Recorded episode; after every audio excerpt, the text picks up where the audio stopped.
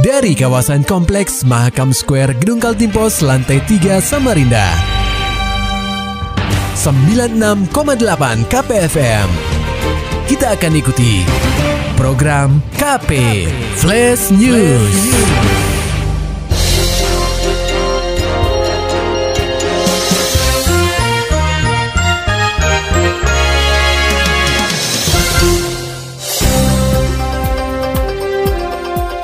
Anda sedang menyimak program KP Flash News bersama saya Agung Pratama.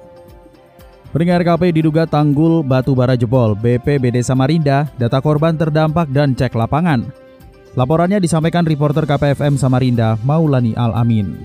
Pendengar KP, intensitas hujan yang tinggi terjadi selama kurang lebih dua jam pada Sabtu pekan lalu, mengakibatkan banjir di sejumlah titik di Samarinda. Banjir terparah berada di Kelurahan Lempake, Kecamatan Samarinda Utara hingga sedada orang dewasa. Selain hujan deras, kuat dugaan banjir beserta lumpur tersebut akibat jebolnya tanggul salah satu perusahaan yang beroperasi di kawasan itu. Kepala Badan Penanggulangan Bencana Daerah atau BPBD Kota Samarinda Suwarso menerangkan pihaknya bersama TNI dan Polri melakukan pertolongan terhadap warga terdampak. Tapi yang paling penting arahan Pak Wali eh, cek dulu yang terdampak dari tanggul jebol itu berapa orang dan Pak Wali ingin menyampaikan segera diberikan bantuan intinya juga dulu untuk warga yang terdampaknya. KPFM Samarinda, Maulani Al-Amin melaporkan. Berita selanjutnya pendengar KP dari dunia ekonomi, Muhammad Hamzah kembali menahkodai Dewan Pengurus Daerah Gabungan Perusahaan Ekspor Indonesia atau DPD GAPEI Kaltim. Itu setelah dirinya terpilih secara aklamasi dalam musyawarah daerah atau MUSDA yang berlangsung di Samarinda, Ahad 17 Desember 2023. Ketua Umum GPEI Pusat Beni Sutrisno berpesan agar bisa mencari alternatif pengganti komoditi sumber daya alam seperti batu bara serta minyak dan gas bumi. Menurutnya, kekayaan SDA di Kaltim suatu saat pasti akan habis.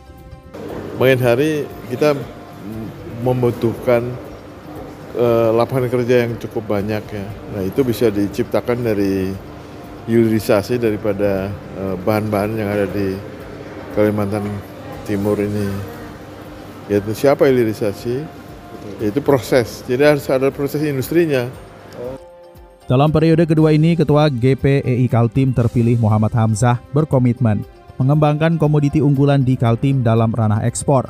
Ia juga merespons positif masukan dari perwakilan Bank Indonesia yang mengusulkan untuk membentuk forum berisikan pengusaha ekspor di bidangnya masing-masing. Apa potensi unggulan Kaltim menuju ekspor? Hmm. Ya, mengembangkan ya. Nah, di situ uh, kita membuat refreshing daripada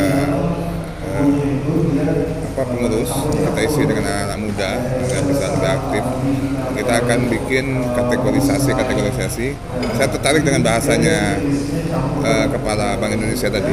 Hamzah pun berharap semua pihak mendukung kegiatan ekspor di Kaltim terutama generasi muda yang punya segudang bakat untuk menciptakan produk berkualitas Sementara itu mendengar KP dari dunia olahraga, Sekretaris Umum Federasi Panjat Tebing Indonesia atau FPTI Kaltim, Miswan Prima Putra, memastikan semua program persiapan Pekan Olahraga Nasional atau PON ke-21 tahun 2024 akan difokuskan ke Kutai Timur.